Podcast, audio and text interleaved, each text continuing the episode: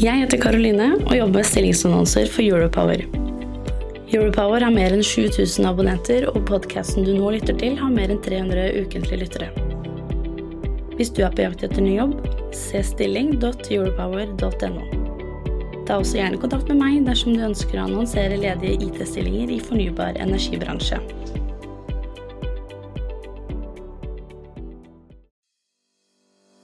You are listening to a podcast episode from Enerwe, a Norwegian news magazine for the energy industry. This episode contains content marketing from EIT InnoEnergy, Sintef, and NTNU. So hydrogen will be a indispensable uh, part of the solution to get to 50% reduction by 2030 and uh, to get to climate neutrality by 2050. And as I showed in my presentation, it could, could actually reduce as much as 20% of the current emissions by replacing natural gas, coal and oil and also be part of uh, the industrial processes in Europe.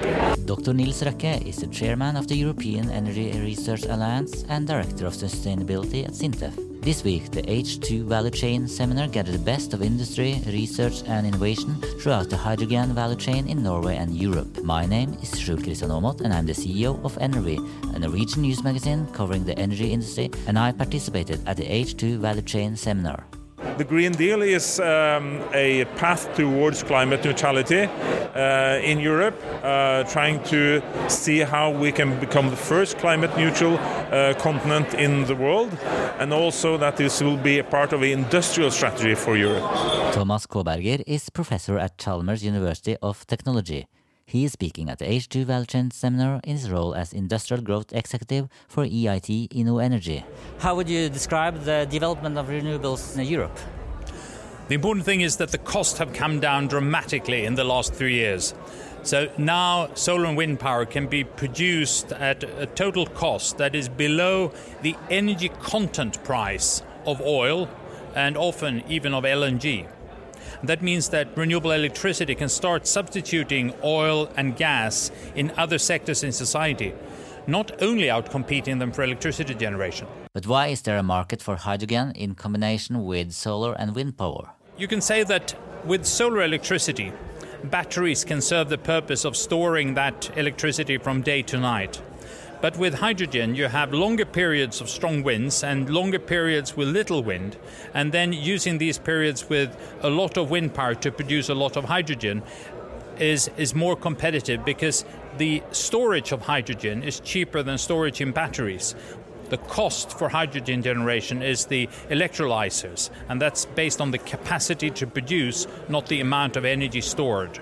Thomas Kåberger talks about the production of green hydrogen from wind power, but there are also other ways to produce hydrogen. Blue hydrogen produced from fossil fuels also holds a great promise in order to kickstart a hydrogen market. ZEG Power is a technology and equipment provider of clean hydrogen solutions uh, based on uh, based on a technology that has been developed uh, throughout the last 20 years by one of Norway's most recognized research uh, companies or institution called uh, IFE here in Norway. Katrine Riengen is the CEO of Zeg Power. We are currently in a commercialization phase of the technology. We're going to apply it first and foremost on the west coast of Norway uh, to produce uh, large-scale clean hydrogen from gas. Uh, how large uh, is the potential for uh, for building a Norwegian industry uh, in the hydrogen value chain? So we believe uh, the, the, opportunity is vast and uh, and uh, very attractive for commercial players such as ourselves in Norway, um, both on the no on a near term, but especially on a on a longer term basis. And certainly, uh, our market is global beyond Norway. But we will start with putting down a footprint in Norway first, and then we will go global.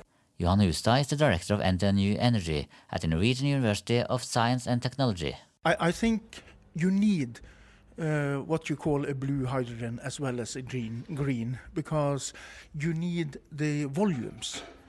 If you don't do anything on on the um, on the blue hydrogen, you will get very much lower volumes, and then it will go much longer time. Uh, involving blue hydrogen will speed up the production and the volumes and so on, and then you will also get hydrogen into the market much faster. In what degree is there a value chain in place from production to use of hydrogen now? I wouldn't say there is a value chain at all, more or less. So there is a value chain for blue hydrogen for the chemical market today. But for power, there is no really a value chain. There are um, demonstration projects where you can see part of the value chain, but it's not it's not really a whole value chain as such. Johan Hustad says that there is no H2 value chain in place now. I ask Nils Røkke why there is a need for speed. I mean, it's 10 years to 2030 and 30 years to 2050. So it's really uh, time now to accelerate, and uh, we'll see the change over the next 10 years in terms of what kind of energy carriers we'll be using and what kind of policy will, policies we'll put in place to make this happen. And why do we need to collaborate uh, uh, in order to achieve this goal? Um, because no single country can achieve these targets alone. We need to work together as a team in, in Europe to make this happen. Also, reflecting that Europe at present is the world's largest importer of energy and thus needs to have clean energy in their energy mix also for the, the imported energy goods. But how can we incentivize hydrogen to play a key role in the energy transition? Kevin Gold is Senior Advisor Global Markets and Corporate Strategy at Statkraft. Um, but definitely to try and get down the costs for hydrogen production, uh, especially from the, the green uh, green hydrogen production. I think as well. Um, trying to create some kind of system where you can uh, calculate sort of the emission reduction that you're getting from hydrogen. So maybe extending sort of the guarantees of origin uh, system to include hydrogen. Um, funding pilot projects that demonstrate the value chains that you can get through, through using hydrogen. Um, and also maybe trying to uh, fund studies, for example, on looking at the best um, places where you could site electrolyzers, uh, taking into account uh, the, the, grid, uh, both the power grid and, and, also the gas grids eventually. Uh, what role does Statkraft play considering hydrogen? Um, Statkraft is interested in producing uh, green hydrogen uh, and e fuels, uh, and we're particularly focused in uh, heavy transport, maritime, and industry. Uh, and we, we see our role is um, yeah, getting involved in interesting value chains within within these areas and, and pushing hydrogen forward because at the end of the day, it's going to be uh, an extremely uh, important piece of the energy system in the future. Kevin Gold gets the support from Mikael Nordlander, the head of R&D portfolio and industry decarbonization at the Swedish energy company Vattenfall. If you are to electrify the industry, what we're aiming at is you better do that flexible because the production side of electricity you meet it with will, be, will most likely be weather dependent. So it's a, a great match to to move the buffer from after the electricity generation. So you make the, a system that's that sticks together, so to say. Mikael Nordlander compares the energy storage using hydrogen on a plant with 1 million Tesla batteries. Yeah, it, it's um, a number game. I mean, if you take all the combined batteries of a million Tesla cars, then you get the same amount of energy in such a storage. Åseby is business manager at the Swedish fuel cell company PowerCell. What exactly are fuel cells? The fuel cell is an energy converter so you can convert energy in hydrogen to be electricity, and the exhaust, the emission that comes out, is hot water and steam. Uh, who are the main users of uh, fuel cells? The uses can be the automotive industry, it can be used for cars, trucks, buses, forklifts, heavy duty vehicles. It can be used within the marine areas as well uh, for all kinds of vessels, but also in port operations. And you can use it for any stationary operation, which means big data halls or big units that need a lot of electricity but cannot be on the grid that is a user for fuel cells. Åseby gives an example from the construction site. Uh, the fuel cells on construction sites is perfect when you need to have heat and electricity, uh, and that you can use for both uh, in transport as well as in the construction.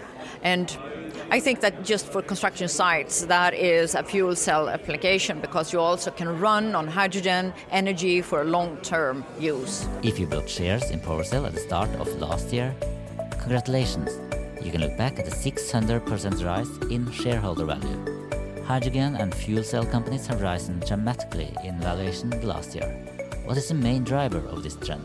I believe um, a function of uh, investors wanting to get in on a very promising new uh, new market.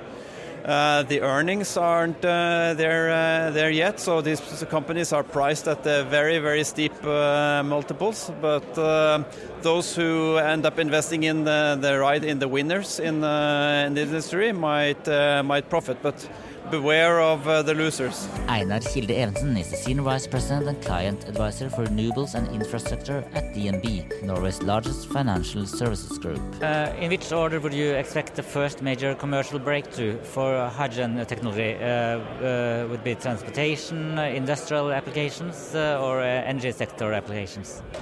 Well, aside from industrial applications, which we are seeing all, already, um, in the refineries and uh, other chemical processes. I believe, based on the fact that uh, hydrogen's um, main uh, strength is a high energy to weight ratio that uh, applications within the heavy duty transport sector uh, would uh, would come come first.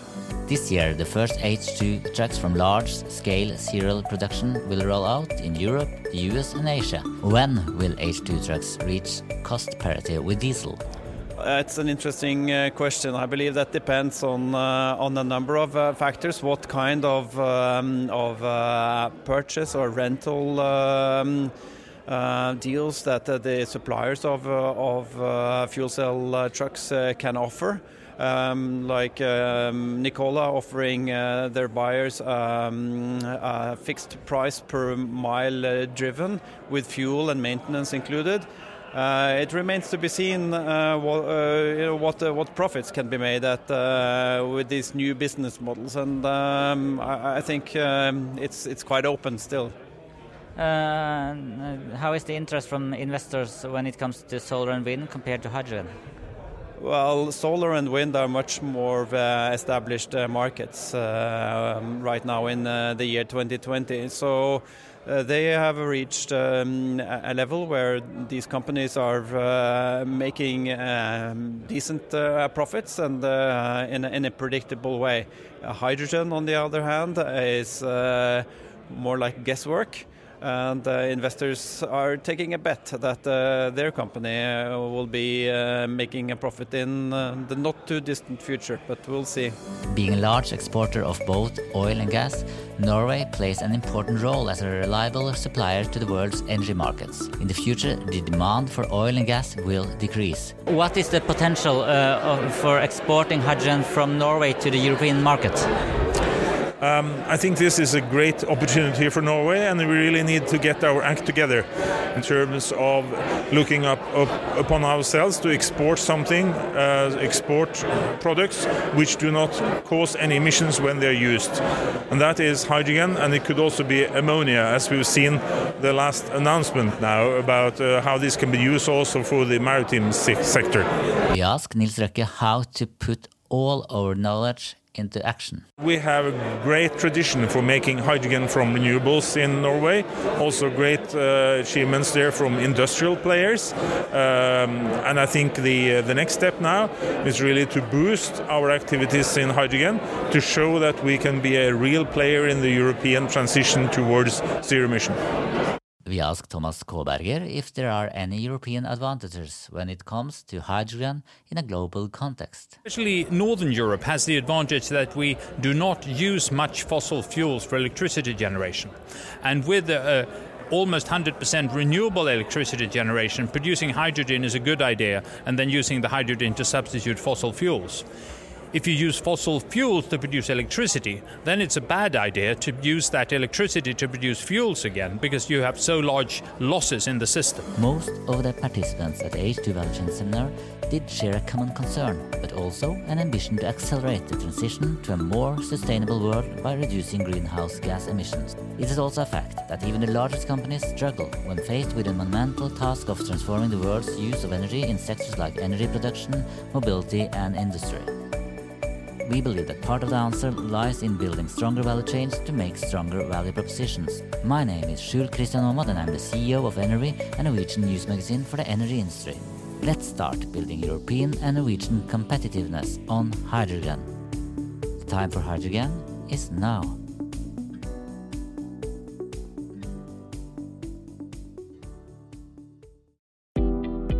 Jeg heter Karoline og jobber med stillingsannonser for Europower.